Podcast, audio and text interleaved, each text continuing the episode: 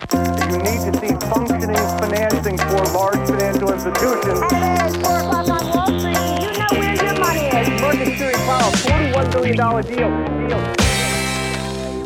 Det pratas ju inte sällan om att investera i bolag som säljer hackor och spadar, en referens som har rötter i historiens guldruscher.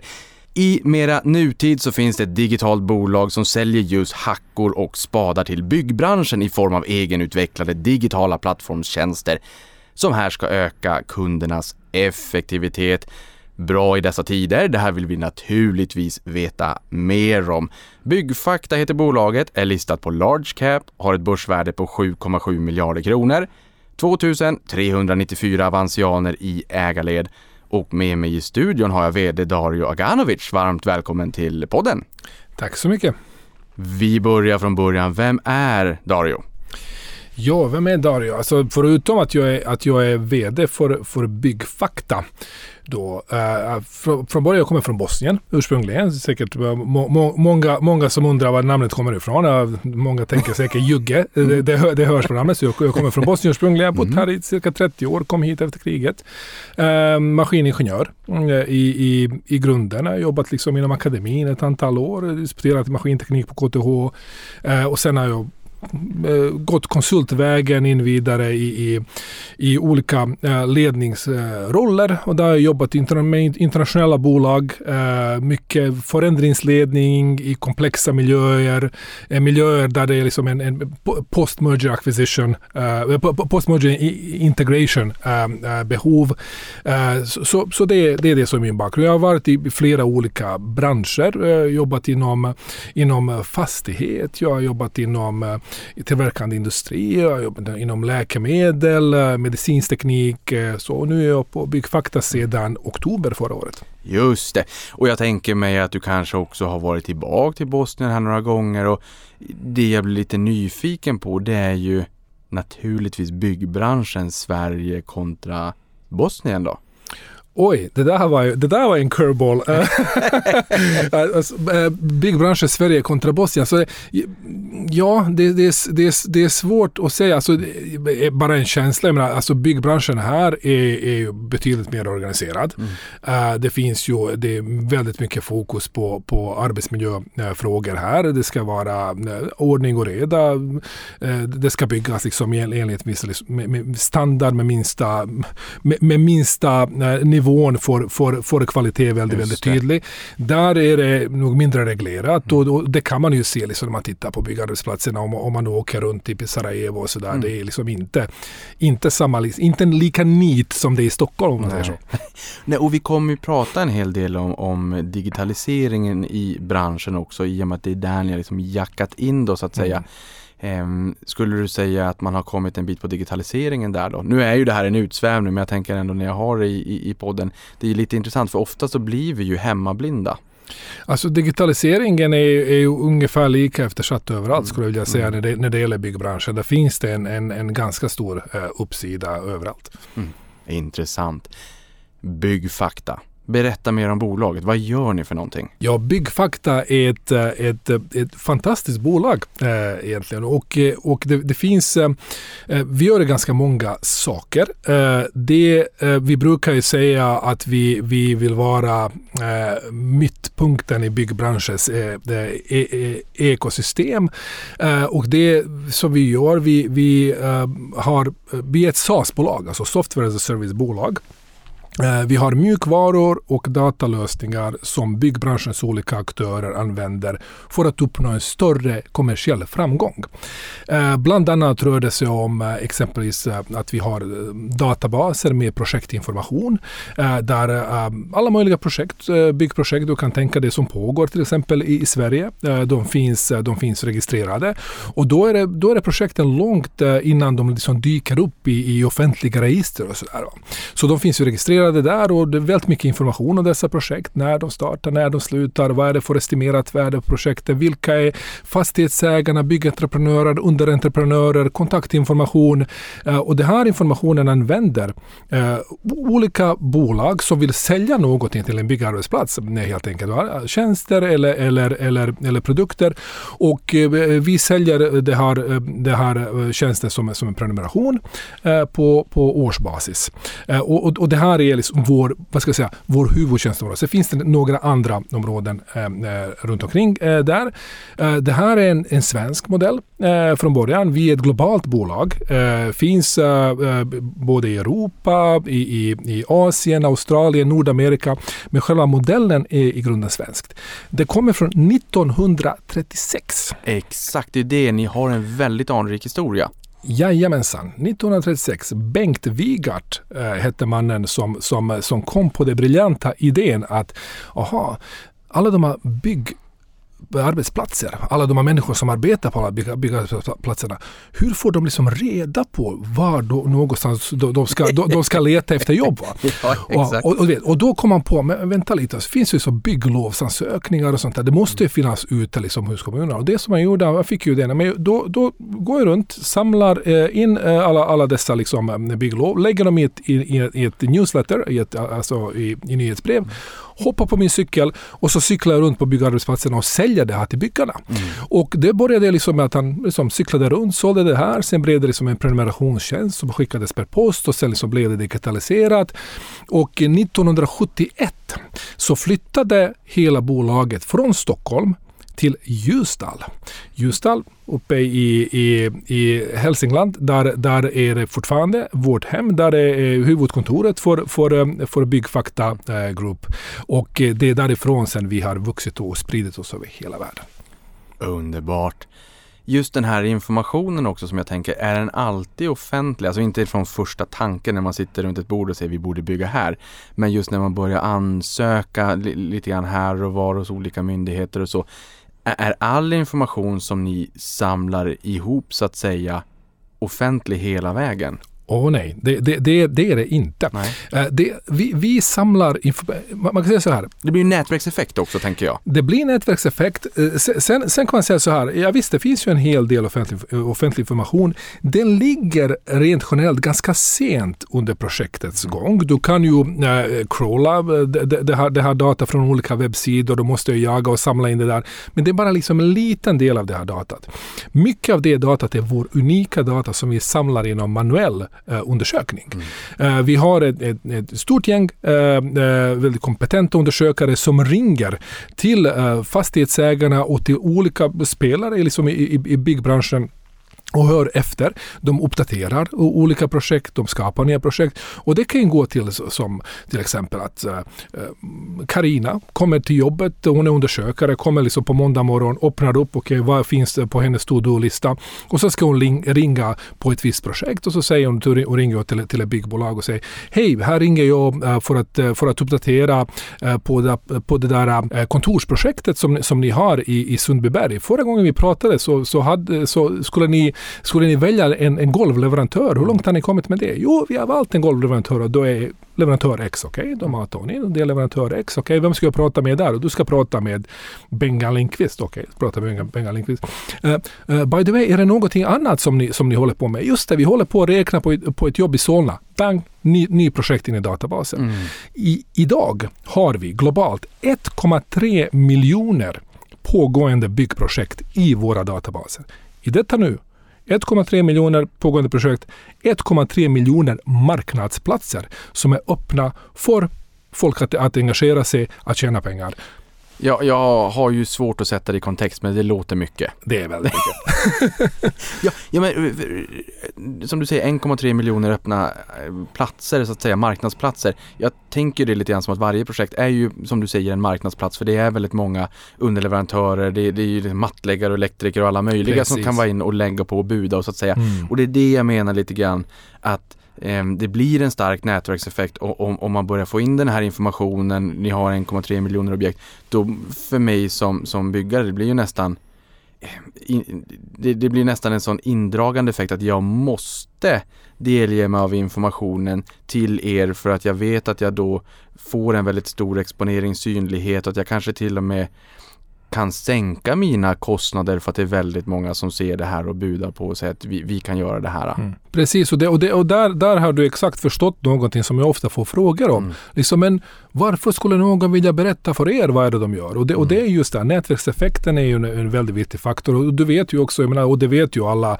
att, att, att byggbranschen, det, det, har en, det finns ju en del problem med att liksom hålla tider, hålla kostnad. Och, och man vill ju gärna förbättra det här och man vill ju gärna se till att det finns ju att det finns eh, leverantörer när man behöver dem och, och så vidare. Så, så man, man, vill gärna, man vill gärna se det här. Och sen är det också så att folk gillar ju att prata det de håller på med. Folk är stolta. Jag menar, mm. de är stolta över, över, över, över vad de bygger. Och, och tänk, jag menar, se en arkitekts karriär pågår det som i 35-40 år. Det är under de senare åren under karriären man gör de riktigt stora grejerna. Liksom. Mm. Så det är inte jättemånga man gör. Och då, och då vill man ju gärna berätta om de här sakerna. Så då kommer ju den vägen. Det kommer ju också en, en väg där, där vi, där vi uh, gör upp liksom rankinglistor till exempel på bolag. Vi, vi har prisutdelning till, till, till bästa projekt, största projekt och så vidare. Och där vill man vara med också som byggbolag, som arkitektbyrå också. Man vill vara med på de här listorna. Och enda sättet att vara med är att vara med liksom i våra projektdatabaser. Det som är intressant här också är att ni samlar in jättemycket information. Mm. Den här informationen rätt använt bör ju ha ett, ett stort värde för er, er affärsmodell, men också för kunderna ju.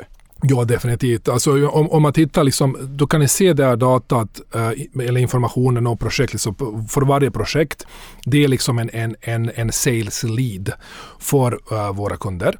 Uh, och då är det liksom, om du är en liksom fönsterleverantör, då vet du hur du ska sälja på det här projektet. Så, så, så varje, varje projekt i sig har det värde, men sen aggregerat om man tittar liksom alla projekt som finns nu i databasen och rent historiskt med massor med data för, för varje projekt. Där, där kan vi göra en hel del uh, statistiska analyser på uh, studera uh, olika kopplingar, trender för att kunna säga någonting mer, mera om framtiden. Och där har vi uh, olika tjänster inom, inom Analytics. vi har identifierat det här som ett viktigt tillväxtområde för oss och det är därför vi har för några veckor sedan gjort ett, ett, ett strategiskt förvärv. Vi, vi köpte ett norskt-svenskt bolag som, som heter Prognoscentret. Eller som de säger på norska, Prognosecentret. Så, och, och de, de, är, de är väldigt, väldigt eh, duktiga på, på market intelligence. Mm. De har eh, hög eh, kompetens inom, inom statistisk analys. Och de är en väldigt viktig källa av, av byggrelaterad information till massa olika aktörer. Och det här är något som vi ser att vi kan både fördjupa där vi står och även, även sprida vidare i, i resten av, av vår footprint runt om i världen. Mm. Ni säger ju att ni är en betydande aktör i mittpunkten av byggbranschens ekosystem där då era egenutvecklade och molnbaserade plattformstjänster mm. kopplar samman aktörer i byggbranschens värdekedja och ökar effektivitet. Det är ju just bra här också kan jag tänka det här med att öka effektivitet. Mm. Um, det, är ju en, en väldigt trevlig bock att ticka av då så att säga. Berätta mer om hela värdekedjan och den här SAS-modellen som du pratar om, alltså helt och hållet ert erbjudande.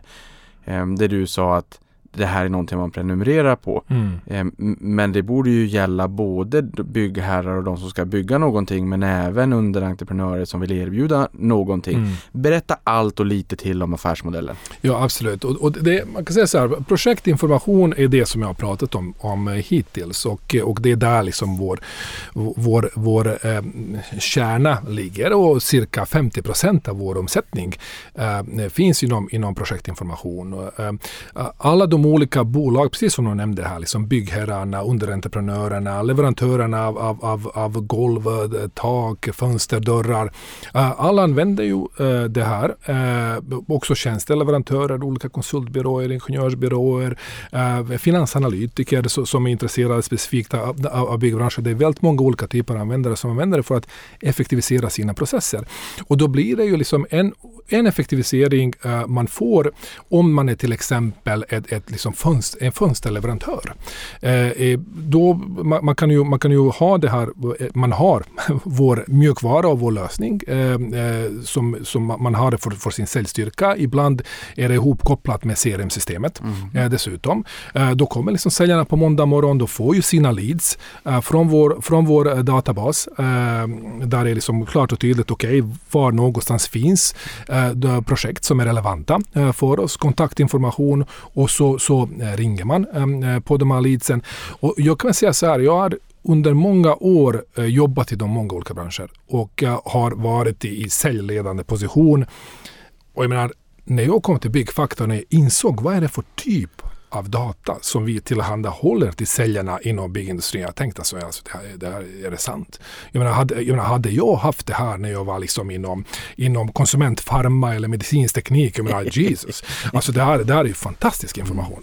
Så, så, att, så att det effektiviserar ju äh, försäljningsprocessen mm. hos våra kunder. Och det är projektinformation vi pratar om. Sen har vi förutom projektinformation några andra Eh, eh, tjänste och, och, och erbjudanden och mjukvaruerbjudanden. Eh, specifikation eh, är, är, är, en av dem och specifikation är en mjukvara som vi säljer till arkitekter och tekniska konsulter som de använder för att, för att specificera byggnader.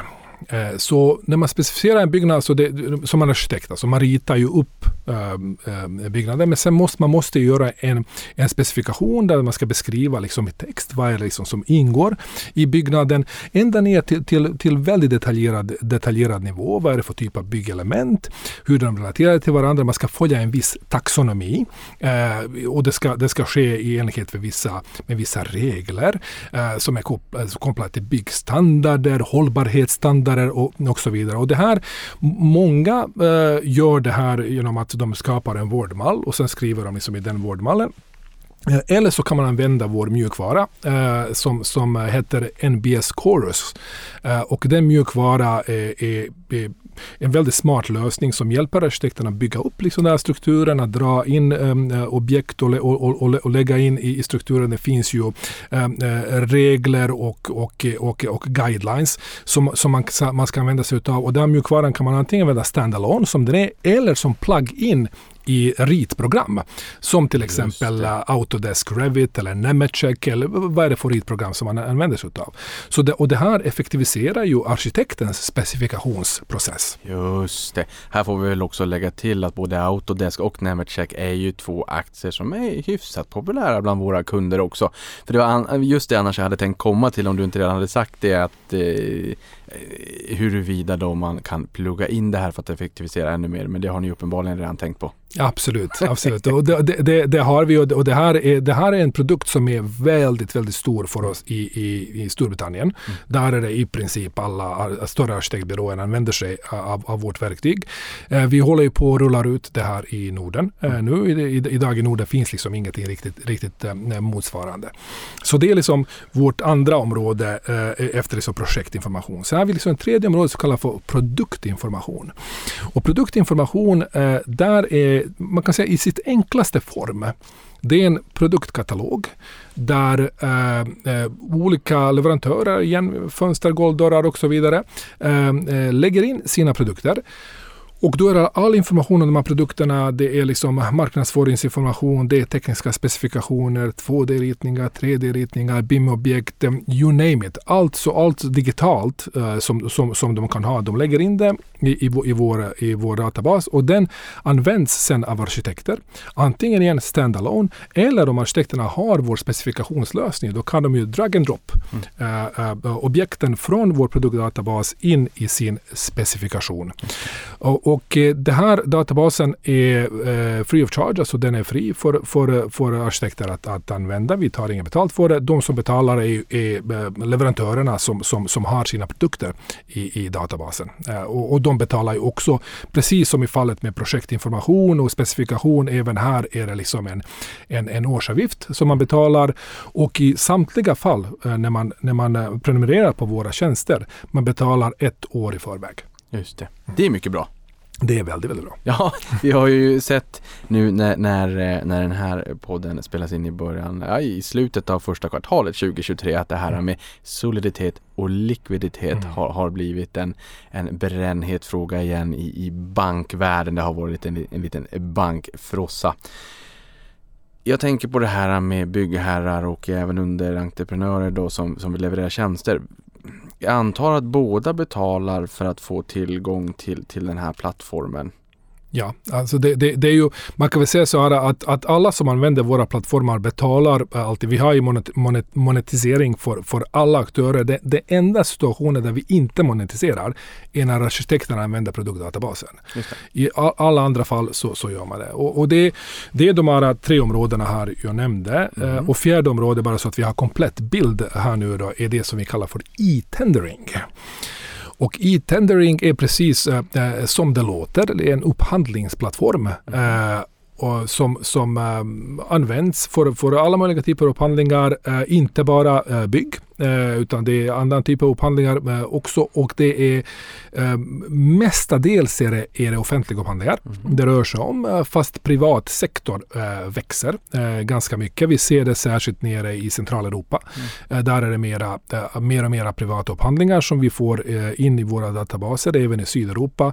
Eh, och, eh, och vi har nu också lanserat den här lösningen i, eh, på, på vår nordiska marknad. Men är det just, jag tänker de kunderna som, som använder sig av era plattformar, eh, det här med att kunna effektivisera och sänka kostnader, det tänker jag, det, det är ju eh, väldigt, väldigt trevligt. Är det primärt det som blir eh, dragplåstret inför att använda sig av byggfakta? Ja, alltså det, det är ju, man vill ju, det, det som vi vill framför allt, att eh, våra kunder ska sälja mer. Vi vill att de ska vara effektivare, precis som du är inne på, och vi vill att de ska bygga mer hållbart.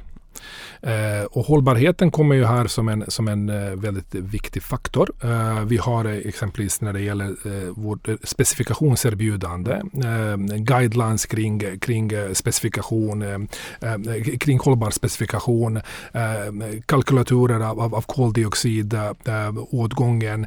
Eh, vi har det i våra produktdatabaser där det är kopplat till de olika produkter som finns där inne finns eh, kalkyler på, på CO2-footprint och andra, andra hållbarhetsdata. Så, så, så det är de tre faktorerna. Ökat sälj, ökad effektivitet och mera hållbart byggande. Just det. Ja, och, och där tänker jag också, alltså, ju, ju tuffare det blir för branschen i termer av ökade regelkrav och även då hållbarhetskrav, desto bättre måste det ju vara för er. Därför att det Absolut. blir ju mer och mer komplext Yes. att bara skriva in det här själv i ett Word-dokument om det är mer och mer och, och, och mer, eller fler då, saker att tänka på. Ja, absolut. Och det, det är definitivt en av, en av eh, driv, eh, drivkrafter som vi, som vi ser eh, ute i industrin eh, tillsammans liksom med, med, med eh, eh, ökad liksom, eh, technology adoption. Och då, det, det här är en, en väldigt viktig faktor. Det blir ju mer komplext och, och inom, inom samtliga regulatoriska områden, inte bara hållbarhet. Nej. Och det, det du har varit inne på här, för vi brukar, jag brukar gå igenom just det organisatoriskt hur bolaget ser ut. Då, så att här var vi ju in på de fyra produktområdena som Mm. du förtjänstfullt och berättat om. Projektinformation, specifikation, produktinformation och e-tendering då. Jag hade en kollega som sa till mig att just det, jag kommer ihåg byggfakta på 90-talet här och han, han menade på att det nästan var, eh, hans bild var nog att det var lite åt monopolistisk konkurrens. Hur, hur, vilka är konkurrenterna och hur särskiljer ni er skulle du säga? Ja, alltså det, det, när det gäller projektinformation, eh, just de här nätverkseffekterna som du nämnde och så vidare, det leder ju till att det ofta blir antingen monopol eller duopol på de olika marknaderna. Och eh, just eh, på de nordiska marknaderna så är ja, det, det finns egentligen ingen nämnvärd konkurrens eh, när det gäller projektinformation. Eh, sen, sen finns det andra marknader som har en mer du, duopolistisk eh, setup, till exempel Storbritannien är en duopol, Australien är, är, är en duopol. Och det här är inom projektinformation. Men sen de andra områdena, eh, produktinformation eh, å andra sidan, där är det betydligt fler olika aktörer som är liksom specialiserade på olika delar av produktinformation. Till exempel inom BIM-objekt så finns det liksom ett antal olika bolag och sådär. Så konkurrensen ser lite olika ut beroende på vilket produktområde, vilken, vilken geografi vi tittar på. Men om du tittar på byggfakta som helhet med både vår liksom, eh, totala erbjudande och vår totala footprint det finns ingen som byggfakta. Nej. Här tänker jag också bara för, li, för just lingots skull när vi pratar om BIM. BIM, alltså BIM alltså står Building Information Management. Mm. Alltså det, det, det, är digital information mm. kopplat till olika, olika uh, byggelement som ingår i en, i en, i en byggnad. Uh, egentligen då. Så, så det är liksom inte långt från det du beskrev. Nej, så att om jag, för jag menar, du kan ju se skisser i alla möjliga genomskärningar och bilda din mm. uppfattning och en bild av hur det kommer se ut i slutändan. Fast ett blåbär som jag vill ju gärna se så här, fast kan du rita upp en digital bild jag kommer se ja. där jag kommer sitta och jobba. Och att allting, då, då ser jag liksom inte rör eller betongplattor ja. utan jag, jag ser ju rummet och skrivbordet och en kaffemaskin och allt ja. det där. Men, och att då har, ni drag, då har man dragit in det från det här BIM-biblioteket. Ja, alltså du, du, har ju, du, du drar ju in liksom, i form av 3D-modell eh, till exempel.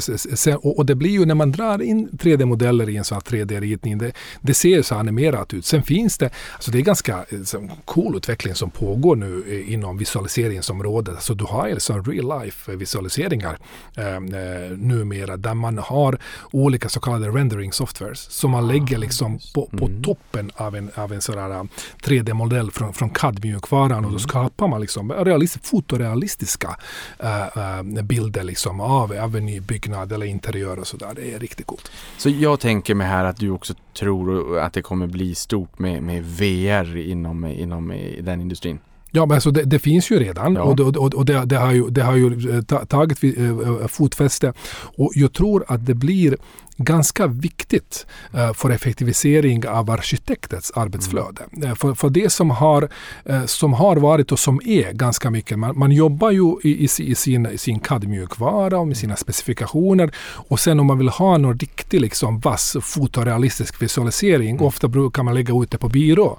På, på, på byrå. Men nu finns det faktiskt mjukvaror som, som, som jobbar samtidigt med CAD-verktygen så du, så du kan skapa, samtidigt som du bygger liksom din, din CAD modell så skapar liksom en fotorealistisk visualisering.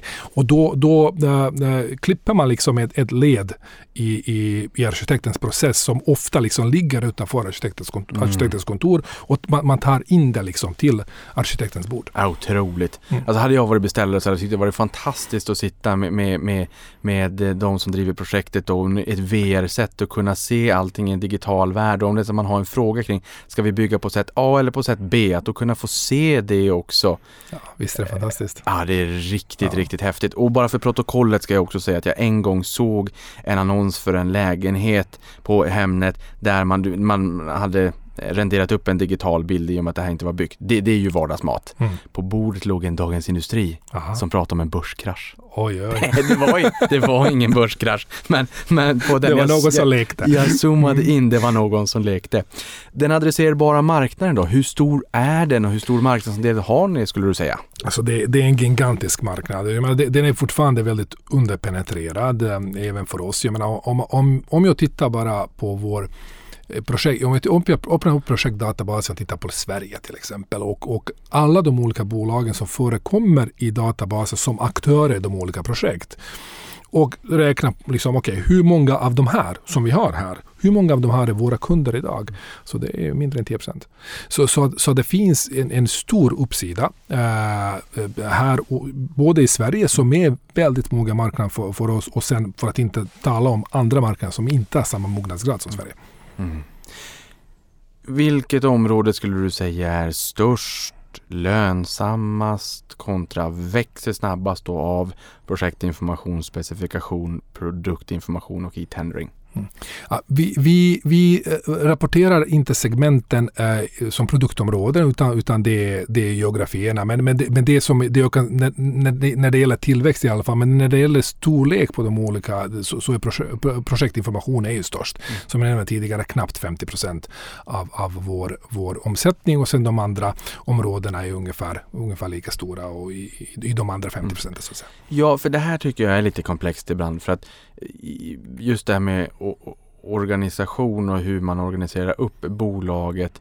eh, kontra vad exempelvis Nasdaq Stockholmsbörsen har för krav hur det ska se ut. Mm. För ibland kan det vara så att man rapporterar på ett sätt fast man gärna vill se och tänka på ett annat sätt. Och i det här fallet så har ni ju fem affärssegment också. Construction Solutions Nordic, Construction Solutions UK and International, Construction Solutions Continental Europe och Construction Solutions APAC and US. Och sist men inte minst Other Operations. Min manliga intuition säger mig att det här handlar mycket om geografisk eh, mix helt enkelt. Ja. Är det mer rättvist att tänka på er utifrån de här affärssegmenten och den geografiska eh, mixen? Det är den geografiska mixen eh, och, det, är så vi, opererar eh, vår business. Och anledningen till varför det är på det sättet, alltså byggbranschen är lokal. Den är lokal. Och, och, och det, det, det är ju eh, även inom, områd, inom områdena som till exempel, skulle kunna tänka dig produktinformation. Det är massa liksom, stora globala bolag. Det är klart man kan göra liksom, en deal med en global bolag på, på, på, på global basis. Ja, men då fattar ju beslut lokalt också. De har själva anpassat sig kring hur de opererar efter hur deras kunder opererar. Deras kunder, byggbranschen, de, de är liksom väldigt lokala. Jag menar, titta bara i Sverige. Det är så lokalt att du inte kan ta liksom, något nå svensk byggbolag och ha eh, så många centrala diskussioner. Utan du får ju gå till distrikten. Eh, så så, det, är, så- det är så det, det fungerar. Då. Den här sista som jag pratade om, Other Operations, vad, vad är det för någonting? Ja, det, Det är other operations.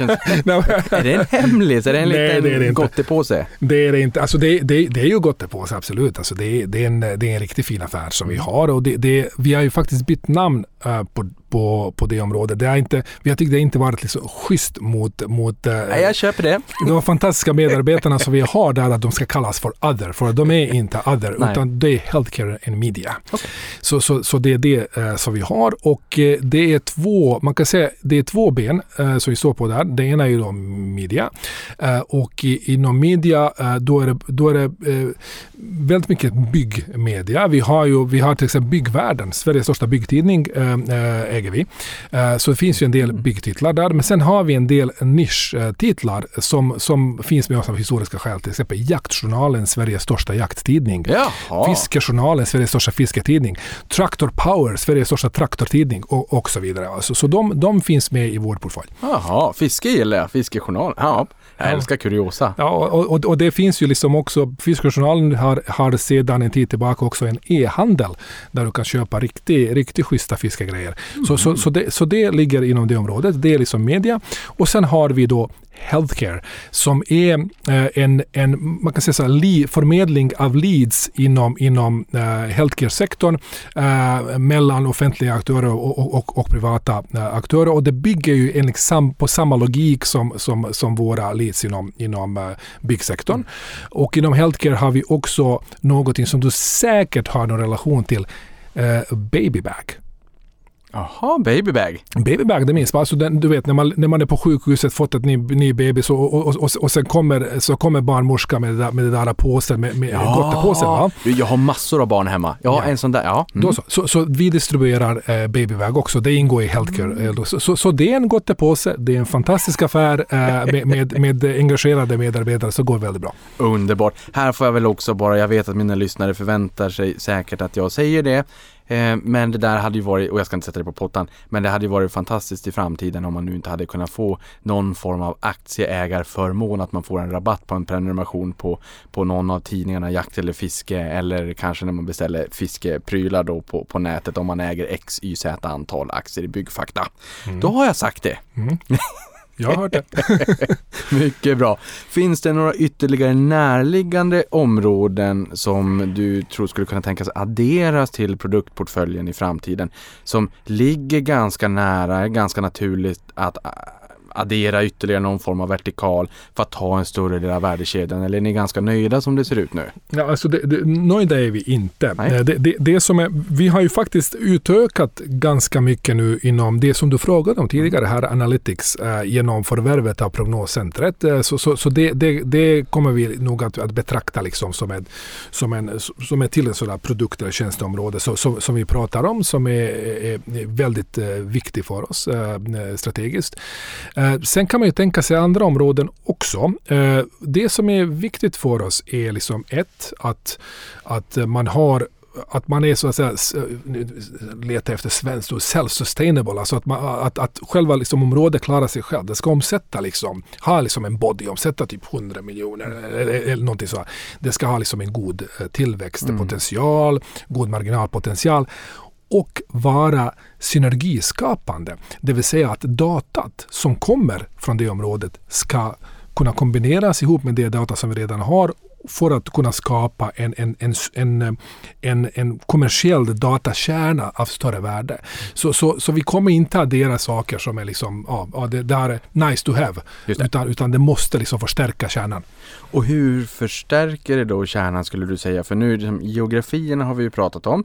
Det byggs överallt och vi kommer förmodligen bygga mer framåt än vad vi någonsin har gjort i mänsklighetens historia, Mhm. naturligtvis.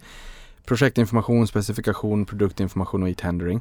Hur, hur skulle du säga att, att de hjälper varandra? Så, utvinner, utvinner ni de synergierna idag och den potentialen som finns där?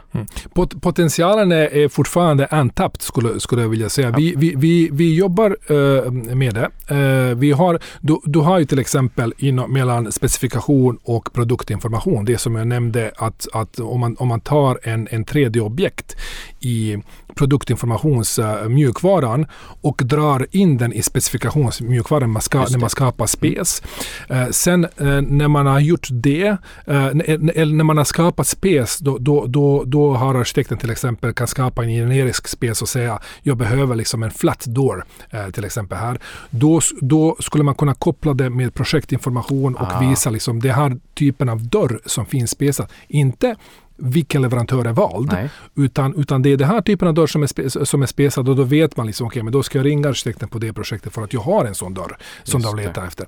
Så, så, så det är den här typen av kopplingar så, som, som ökar värdet på kärnan. Just det. Nej men då är jag med. Då, då kopplar vi på, bara där i det exemplet kopplar vi på tre av fyra områden. Mm. Du har varit in på det lite grann under podden. Men vilka är då era kunder? Våra kunder är, är alla som vill sälja någonting på en byggarbetsplats egentligen då. Och då är det byggbolag, byggunderentreprenörer, eh, arkitekter, eh, tekniska byråer, eh, leverantörer av byggmaterial, eh, konsulter, analytiker.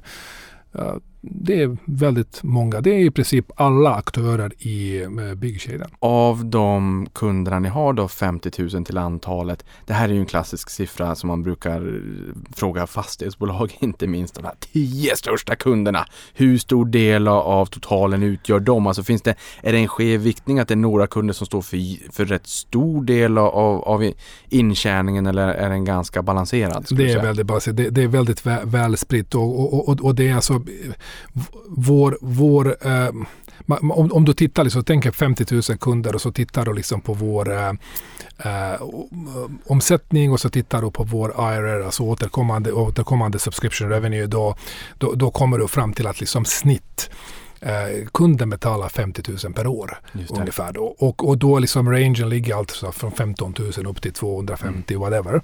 Eh, så så, så det, det, och, och då är liksom, ja, det, det, det är där vi rör oss och, eh, och då blir det ju, menar, 50 000 per år för den här typen av tjänst för ett liksom medelstort bolag är ju liksom det, det, det, är väl, det är väldigt lite. Så, så, så, så att vi, vi har inte liksom någon stor känslighet, eller någon känslighet Nej. skulle jag säga när det gäller liksom specifika kunder.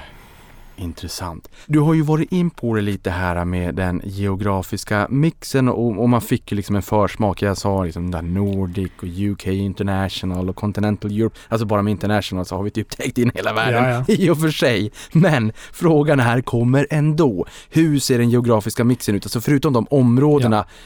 Vart i vår vida värld hittar vi er då? Ja, alltså ni hittar oss på många olika ställen. Alltså, om, om, om man tittar liksom på de här Nordic är ju precis som det låter. Det är liksom de fyra nordiska länder. Vi, vi finns inte på Island. Eh, sen har vi då UK, alltså UK International, det är egentligen eh, Storbritannien och, och Irland. Sen har det bolaget som, som blev vår bas i Storbritannien som heter MBS, de, had, de har en liten verksamhet i Australien och i, i Kanada. Därav International blev det. Men det är i huvudsak Storbritannien. Där då. Eh, sen har vi det så kallade för Continental Europe och då är det Spanien, Portugal, Schweiz, Österrike, Tjeckien, Slovakien. Det är där vi finns.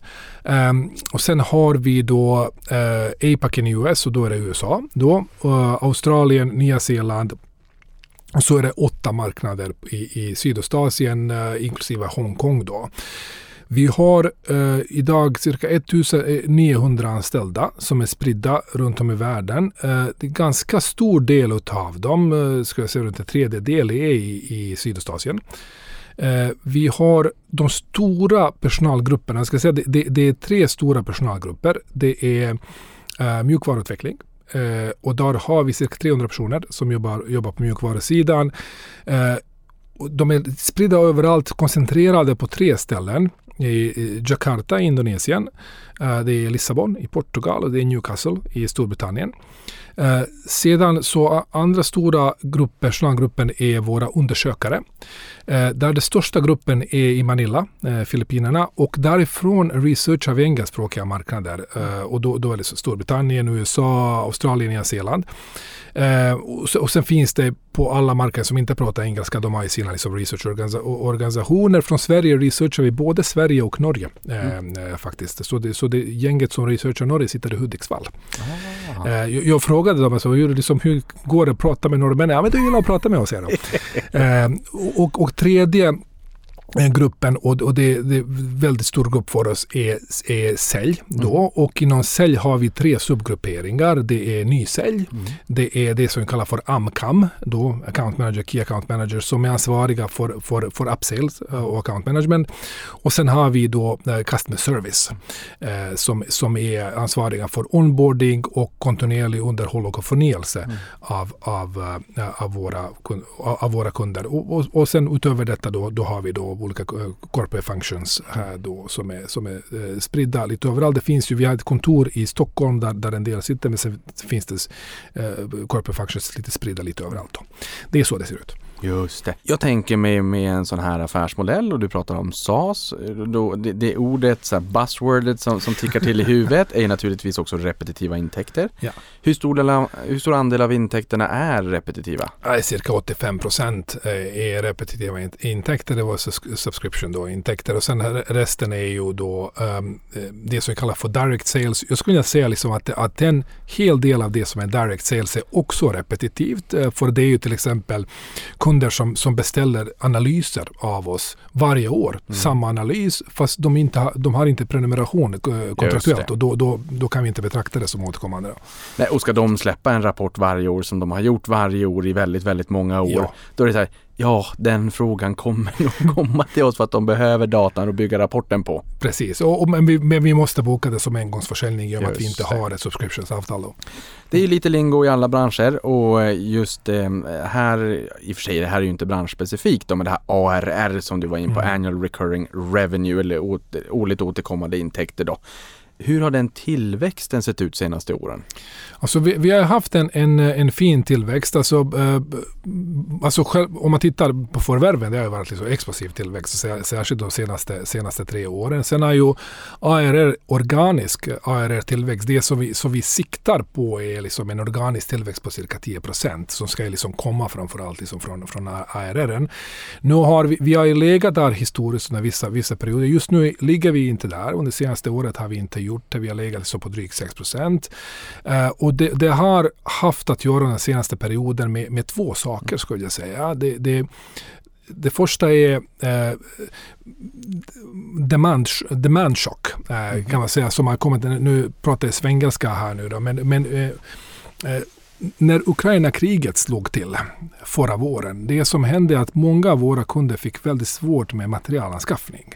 Och eh, priserna på byggmaterial drog ju iväg. Det blev ju liksom en liten eh, alltså infarkt i sektorn då. Osannolikt, alltså det var 20, 30, 40, 50 procentiga höjningar och inte bara en gång. Mm.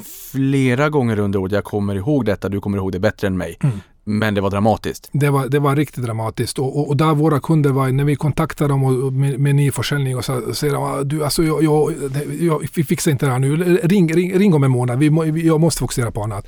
Och det gjorde så att, att vi kom ner eh, och, och du vet när du jobbar med subscription business, jag menar om du tappar i början av året, alltså det, det blir ju svårt va? Mm. Att- att komma ikapp. Sen har vi ju liksom efter den chocken där som, som pågick liksom i någon månad, vi har ju återhämtat oss helt. Men, men liksom på hel, helårssiffran blir inte, inte vad det borde vara.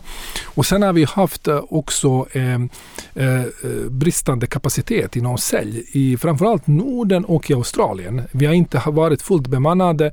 Vi har en transaktionell försäljningsmodell där vi vet mycket väl, liksom, beroende hur många säljtimmar, eh, hur många säljtimmar vi stoppar in Eh, vi har formel i princip att räkna ut liksom hur mycket försäljning vi kommer få ut. Och vi har inte haft uh, full kapacitet i Norden och i Australien uh, av, av olika skäl. I, I Australien bland annat, du vet, du vet, det har varit helt stängt på grund av covid. Det är ett land som är väldigt beroende av immigration. Och när du har liksom en naturlig rotation på arbetsmarknaden utan inflöde, då är det ett antal, ett antal bolag som, som får problem. Vi fick problem där. Men nu har vi liksom åtgärder både inom Norden och Australien. Vi har staffat upp så, så, så vi, vi, vi kör på full speed. Ja, och det här får man ju säga, de faktorerna som har varit i spel eh, de senaste åren är ju på något sätt väldigt unika och väldigt ovanliga. Det, Mm. det får man ju ändå ha med sig. Och jag tänker mig att det här kanske också spelar in på nästa fråga. Det är ju eran net retention rate och Mm. den är Alltså era återkommande intäkter som bibehålls från de befintliga kunderna under en given period inklusive merförsäljning och prishöjningar och sådär. Den var 84,9 nu här Yes. i fjol. Och då är ju frågan såklart varför den siffran inte är högre, alltså Mm. varför man inte säljer in mer på de befintliga kunderna. Jag ska inte lägga orden i munnen på det men jag anar att det kopplar an till det du sa precis. Eh, ja, eh, delvis. Eh, eh, men men jag skulle säga, alltså, det finns jag, jag är inte liksom riktigt äh, nöjd med, med, den siffran äh, såklart och det, och det, det är ingen hos oss. Vi strävar ju efter, efter att förbättra det. Vi lyckas ju ganska väl. Om du tittar på historiken. Vi har lyckats höja vår net retention med ungefär 100 baspunkter per år genom fokuserat arbete med, med, med churn. Då. Och man, kan, man kan väl tänka sig så här, okej, liksom, visst churn den är naturlig. Det, det, den, den kommer eh, alltid. Eh, det finns ju liksom konkurser och så vidare. Sen, vi är inte så mycket drabbade av det i och med att våra bolag är medelstora och stora bolag. Så de konkursar inte så ofta, utan det är mindre bolag som gör det. Så, så den, den, fin, den är inte så signifikant eh, för oss. Den churnen vi får är det finns ju, vi, vi följer olika kund, alltså, eh, grupper, alltså customer cohorts, alltså kundgrupperingar. Och det som vi kan se, den churnen kommer från kunderna som är under första eh, prenumerationsperiod. Första årskunder. Eh, och där har vi sett eh, tydligt varför de kunderna churnar. är för att de upplever inte att de får ut värde från, från, eh, från mjukvaran och det ser vi också, okej, då har de inte haft användning. De har inte gått in och använt i mjukvaran. Eh, och då kan man fråga sig, okej, varför då? Varför är det, det så? Men om du tänker så här, du har liksom en, en medelstort liksom byggbolag eller liksom en, en, en leverantör, underleverantör till byggbranschen. Det har varit ganska många bra år vi har gått igenom. Eh, och, och det, det har varit liksom en, en underkapacitet eh, på marknaden. De har ju haft väldigt mycket jobb. Eh, De har inte va, behövt vara proaktiva ute och jagat efter jobb då. Och eh, när, när våra säljare lyckas få till ett demo där, då, liksom, då visar upp demot och då reagerar liksom den som tittar på Oj, kan man få liksom det här informationen? Det här är jättebra, det här vill jag ha då.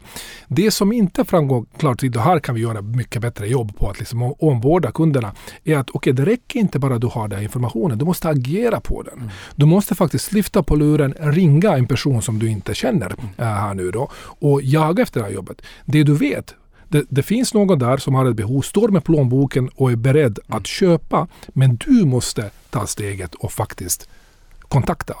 Och, och, och det här är något som är för många av våra kunder inte så jättenaturligt att göra. Och där jobbar vi med att eh, onboarda dem, eh, identifiera eh, när användandet, användandet inte, inte vad det, vad det borde vara, visar upp för de olika leads som de skulle kunna agera.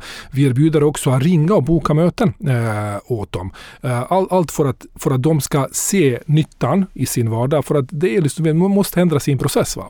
När de väl har gjort det, när de har passerat den initiala perioden, våra kunder tenderar till att stanna med oss för evigt. Alltså där har vi liksom på äldre customer cohorts har vi liksom en net retention över 100%. Okej, just det. Och, och vid sidan av NRR då, eller Net Retention Rate, så tänker jag också på ARPUN. För det är klart att vissa kunder faller ifrån av naturliga skäl, som du Mm. sa, konkurser och sådär. Man, man brukar ju prata om ARPUN, eller den genomsnittliga då, intäkten per, per användare, per Mm. kund så att säga. Hur ser den ut då bland de kunderna som använder er inom citationstecken tillräckligt mycket också för att förstå nyttan och värdet av det? Ja, vi har ju liksom en, en snitt eh, som jag nämnde tidigare 50 000 liksom Mm. per, per, per år där och, och vi, vi jobbar ju na- naturligtvis också med, med, eh, med, eh, med upsales, till, tillkommer funktionalitet. Väldigt ofta handlar det om att våra kunder expanderar sitt, sitt sökområde. För att vi, vi vi tar betalt baserat på den informationen du prenumererar på. Så, så, så, som, som jag, tror, jag tror att jag näm- nämnde, nämnde här tidigare. Och då kan vår kund upptäcka men jag skulle vilja ha, jag skulle inte vilja ha bara bostäder, jag skulle vilja ha också kommersiella fastigheter. Och då, då köper man till det. Och sen har vi så de naturliga prisökningarna eh, som, som, som kommer in. Vi har inte varit någon här wild and crazy med pra- prisökning utan det har varit det som har varit liksom nödvändigt och följt, följt marknaden i övrigt så att säga. Då.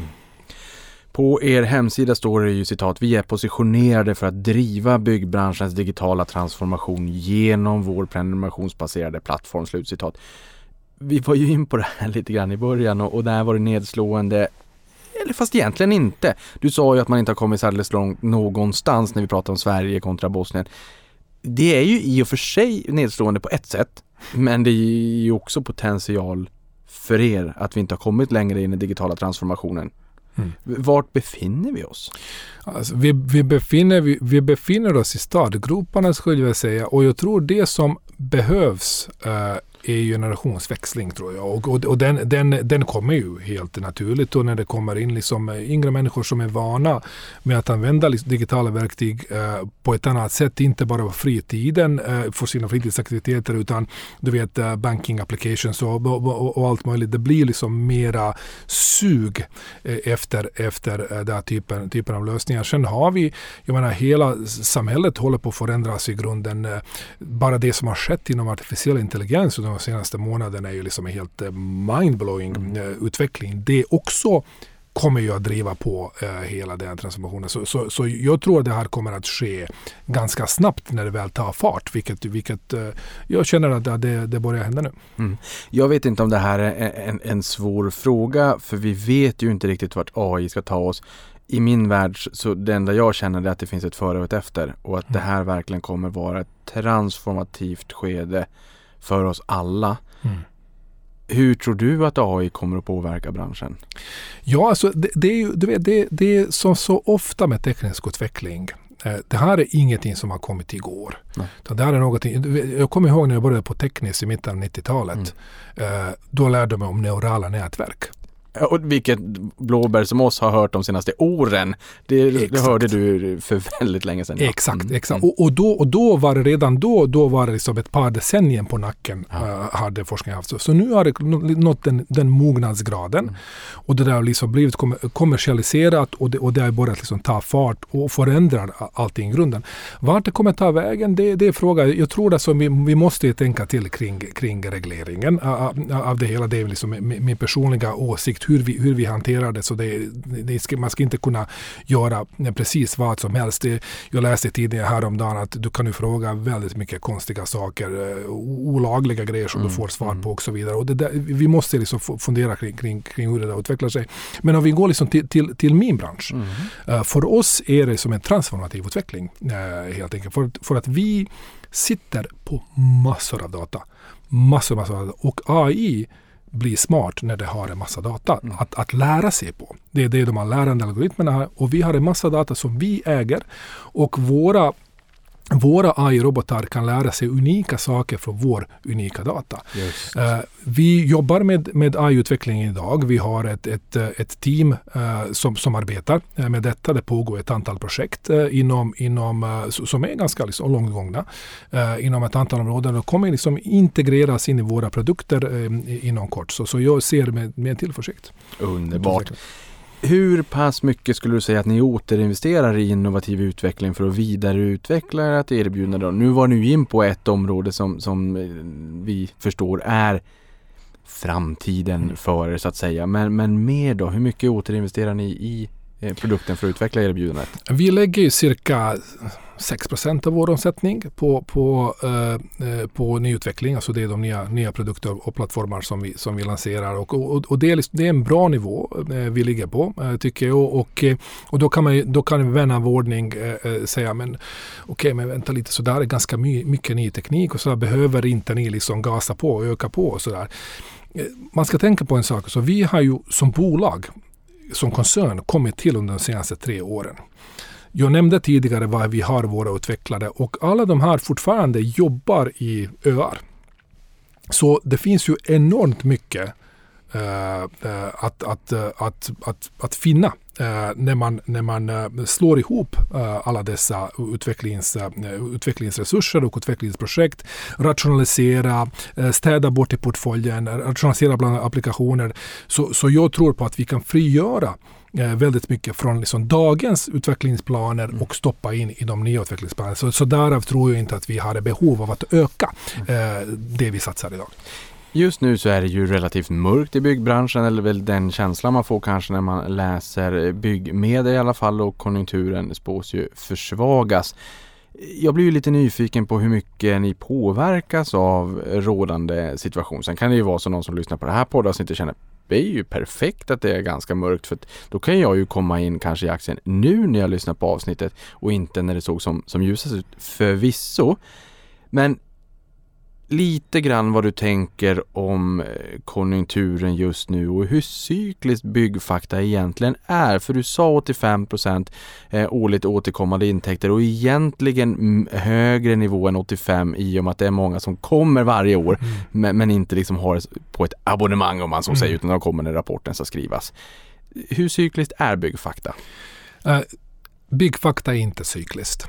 Eh, och eh, det, sen det är ju klart, menar, vi är inte betjänta av att heta bygg någonting. Va? För att alla tänker ju direkt, oj, oj, byggindustrin. Det är, Ja, det är liksom- sant. Det är sant faktiskt. ja men så, så är det. Du vet, och hela den här kombon du vet av att vara tech och bygg liksom. Det, var, det är ingen bra, ingen bra kombination. Om man inte gör liksom hemläxan. Men liksom skrapar man lite på ytan och, och titta på dels i de här prenumerationstjänsterna som vi har som är liksom väldigt sticky eh, i sig. Och sen är det också om man tittar på vad är det egentligen som vi säljer. Och om man tänker på hur bygg, byggbranschen funkar. När det är goda tider den här typen av tjänster, eh, eh, man har ju nytta av dem. Det är inga dyra tjänster som jag nämnde här tidigare. Så 50 000 per år, per år i snitt för ett medelstort bolag är, liksom, det är ju ingen kostnad. Är det HDMI-kabel när man har köpt en dyr TV? Lite grann. Ja, men alltså men li, li, lite Ja, så. mm, Va? Och, och, och, och, och sen, och sen när, du, när, du, när du går in i en lågkonjunktur som vi har gått nu, när det inte finns jobb där ute, alltså det här blir livlinan. Just det. Ja, det här blir en, en tjänst som är, är extremt viktig. Och då, då ser vi, man kan säga så här, jag skulle inte sä- säga att vi är cykliska, jag skulle säga att vi är möjligen soft kontracykliska. Och tittar vi liksom tillbaka, jag menar, vi kan inte redovisa eh, data eh, från tidigare perioder, vi noterades ju ny, nyligen på börsen och skapade koncernen nyligen och då kan vi inte liksom visa data från, från delarna eh, sen tidigare. Va? Men, men, men eh, om jag tittar liksom bakåt vi har inte känt av några liksom konjunktursvängningar utan vi har växt stabilt genom, genom olika kriser. Och så, så, så att jag, jag ser ingen koppling där. Nej men jag tycker att det där är en väldigt, eh, poletten trillar ner lite grann. Jag tycker det är jätteintressant det du säger att för underentreprenörer om det, om jag använder ordet på, på, på rätt sätt, att det blir deras livlina för Mm. att sälja sina tjänster till de få, eller färre projekten som finns där ute då när, när tiderna surnar till så att säga. Men jag tänker mig även för de som vill bygga, alltså du blir ju nästan mer intresserad av data och Mm. liksom pulsen och, och, ja. och för, att- för att ha tentaklarna där ute när det är riktigt, riktigt surt. Precis. Och, och, då, då är, och, och där är Analytics är ju jätte, jätteviktigt att, att förstå liksom vad, som, vad som händer på marknaden. Sen, sen ska man säga liksom att vi är, det är ganska liksom deppigt i Sverige och Europa och sådär. USA går ju som tåget. Eh, där är det, det uppåt, framåt. Det är mycket satsningar, alltså infrastrukturprojekt eh, och så vidare. Jag var förra veckan i, i, i Sydostasien. Man reser runt där, man, man märker liksom knappt av. För du vet, då, då pratar jag om, ja det är hög inflation här, 3 procent. Ja. det är liksom, du, du, du vet, alltså, den, vi, vi- vi, har, vi som global bolag har också, det kommer en del resiliens också från vår globala footprint skulle jag säga. Just det. Hur ser då tillväxtstrategin ut och balansen mellan organisk och förvärvad tillväxt? För du har ju också sagt att ni har gjort ett, ett förvärv här nu nyligen. Tillväxtstrategin. Ja, tillväxtstrategin är alltså vi har, våra mål är att växa organiskt 10% varje år. Eh, och utöver detta att växa med ytterligare 5-15% per år genom förvärv.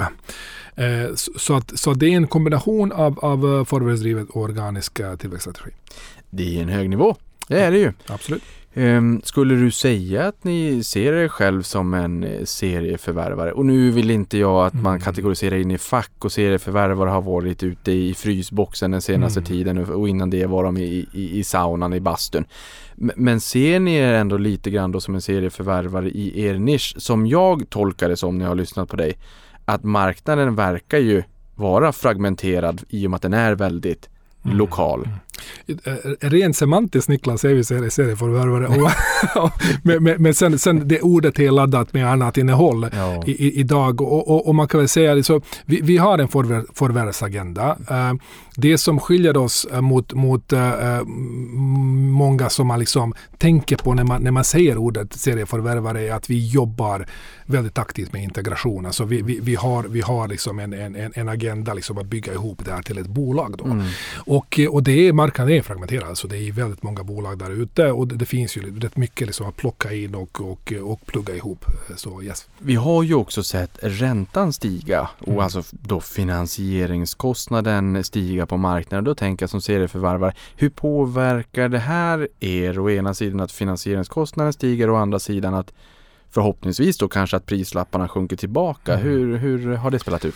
Ja, alltså vi har, vi har idag en, en uh, belåningsgrad som är liksom drygt tre gånger ebitda. Uh, och, eh, och det för oss, vi har ju fram tills vi blev noterade för ett och ett halvt år sedan varit i privat ägo, så vi ägdes av riskkapitalbolag och vi har haft en, en tidigare en belåningsgrad som har legat på 8-10 gånger och det klarade vi av eh, komfortabelt på grund av att vi har enormt starkt kassaflöde. Eh, Och det kassaflödet kommer ju från att jag menar, vi, vi, vi, vi har ju prenumerationstjänster som betalas i förväg vilket gör att, vår, att, att vår, vår working capital blir ju liksom negativ egentligen. Vi, vi, vi, vi, sitter ju på, på, en, eh, eh, på- en, på, en massa, eh, på en massa cash. Det är ni och försäkringsbolagen. Ja, men det, det, det, det är väldigt komfortabel eh, sits att sitta i. Så, så, så att vi kan, vi kan ju gasa på och bromsa och då det räcker ju bara liksom att vi under en viss period sätter lite på, alltså några månader, eh, eh, sätter på, på, på, bromsen eh, och inte förvärvar.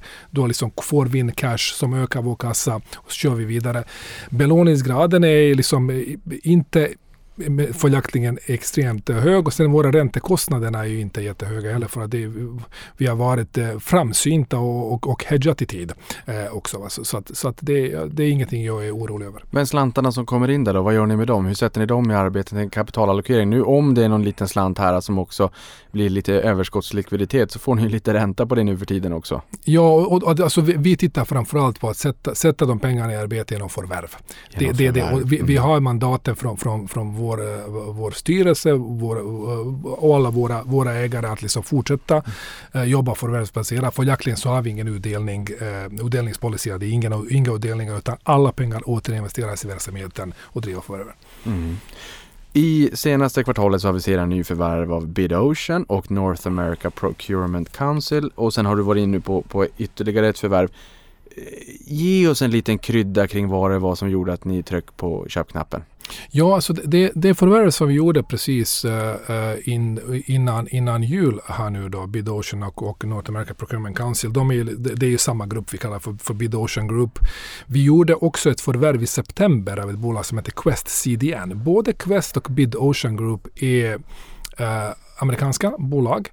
Eh, vi eh, vill växa vår närvaro på den amerikanska marknaden. För, så, så, så, som jag nämnde, liksom, det är en väldigt liksom, vibrant market. Va? Eh, eh, och det är väldigt, väldigt stor och intressant marknad. De bolagen som vi köpte där, både Quest och BidOcean, är verksamma inom e-tendering. Eh, och sedan tidigare så har vi närvaro i, i USA eh, genom förvärvet av australiensiska BCI som, som, som har, har, har en dotterbolag som är verksam inom projektinformation. Så här har vi tillfört e-tendering till projektinformation och liksom, så nu bygger vi ihop uh, vår lösning inom, inom, inom två olika tjänsteområden. Uh, och det är liksom, som få, fick oss att trycka på knappen som alltid fina bolag. Vi köper bara fina bolag. Och när du säger eh, fina bolag, har, har de en högre lönsamhet än vad ni har när ni köper dem? Eller kan de ha lite lägre där ni känner att när de kommer in i, i, i gruppen så, och, så kanske vi ser synergier och, och, och ser att mm, den höjs efter att ni har integrerat den i, i Byggfakta? Ja, så vi, vi, vi har ju alltid, så, jag, jag, nämnde, jag nämnde här, här tidigare, liksom när man tittar på, på våra, på, du frågade mig de olika liksom, nya produkterbjudandena, Mm, hur mm. vi tänker kring det. Och då sa jag liksom att det måste ju ha liksom en, en viss omsättningsnivå, Mm. viss tillväxtpotential och viss marginalpotential. Det är exakt så vi tänker kring förvärv också. Det är situationsberoende, men det måste antingen vara här och nu eller potential genom att vi faktiskt kan göra någonting åt eh, förändringen i, på, på, på kort och medellång sikt. Det är liksom det som driver. Hur ser de finansiella målen ut då? Finansiella mål, alltså det är som 10 procent year on year eh, organisk tillväxt. Eh, Det är eh, 40 procent eh, ebita eh, på medellång sikt. Det, det är där eh, det är det vi ska uppnå. Det är det ni ska uppnå och här så har du ebitda-marginalen då. Den var ju 34,7% i Q4 och 34,4% för helåret i fjol. Stökigt år också. Det är ju under målet om minst 40% på medellång sikt.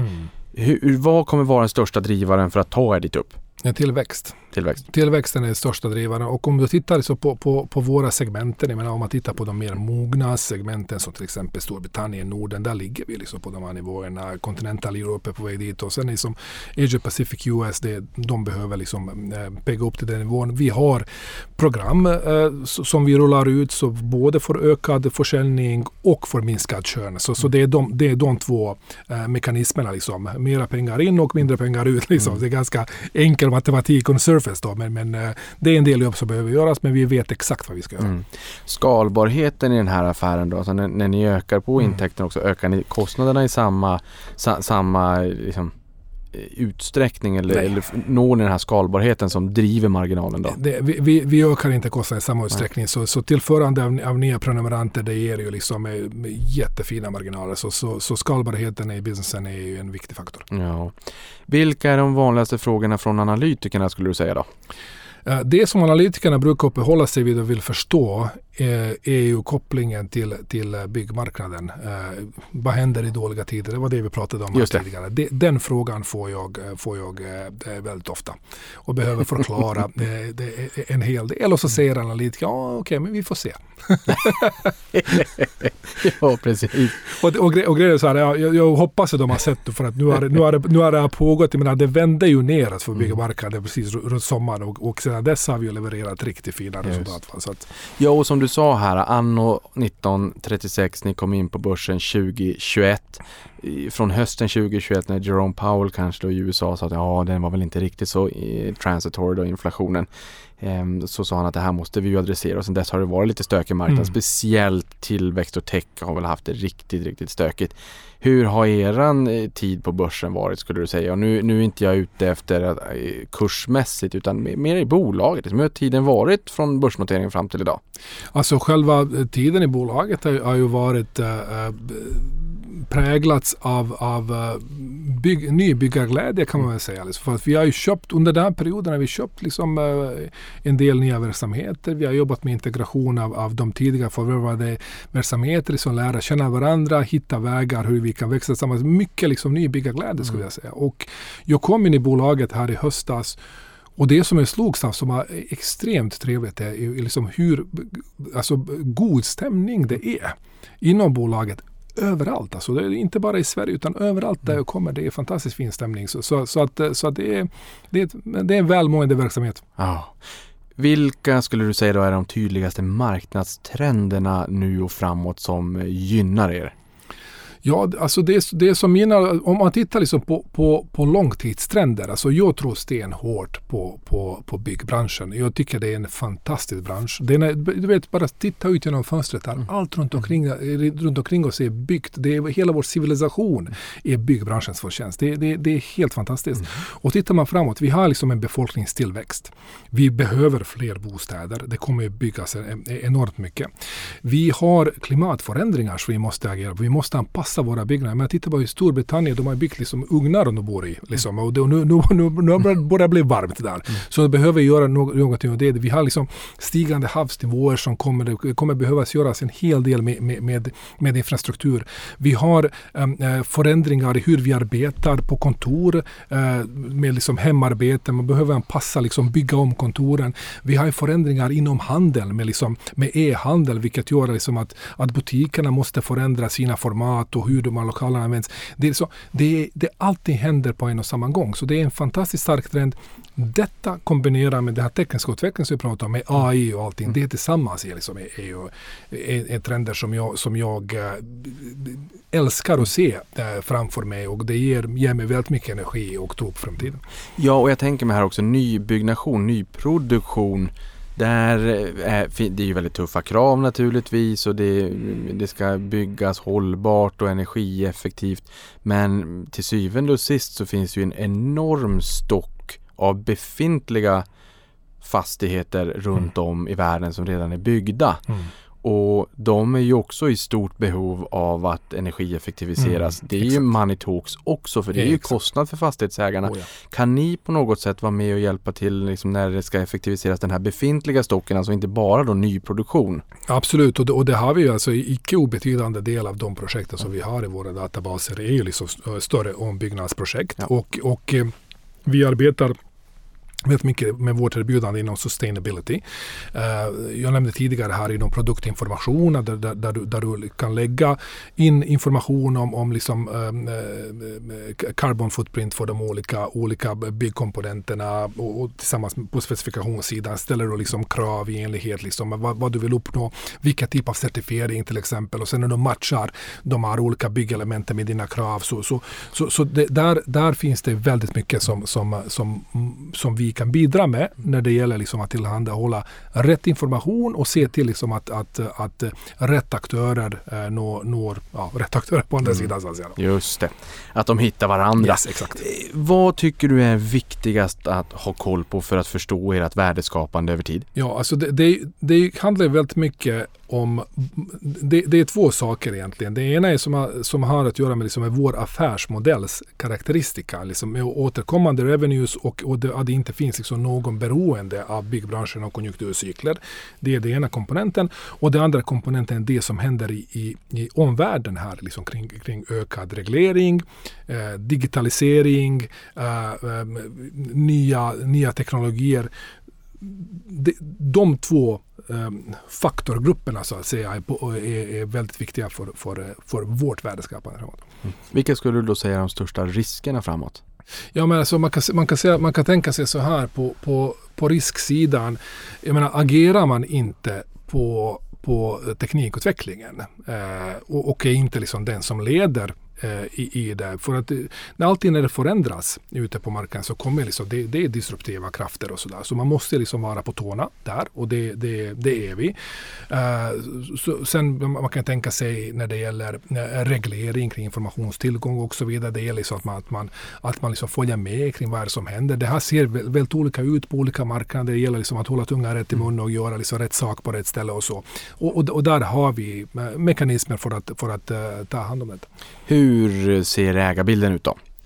Eh, ägarbilden idag eh, eh, ser ut som så att det finns ju två stora ägare och det är våra, våra, de som ägde det tidigare i privatmiljön, Sterling Square Capital Partners och, och TA Associates, två riskkapitalbolag, ett brittiskt och ett amerikanskt som äger cirka 65 procent av, av aktierna och sen, sen är det en del pensionsfonder och, och, och management.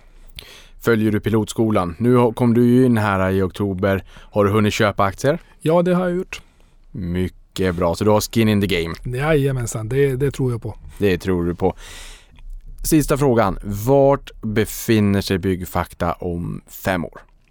Byggfaktorn fem år är en, en eh, större eh, aktör som täcker en, en större geografisk marknad eh, som har, som har en, de olika, olika lösningarna är, är, är, är, mer integrerade där, där, där flera av våra kunder får använder sig av flera av, av, av våra olika tjänster och får till sig mycket mer värdefull information och, och är mycket mer framgångsrika eh, tillsammans med oss. Mm.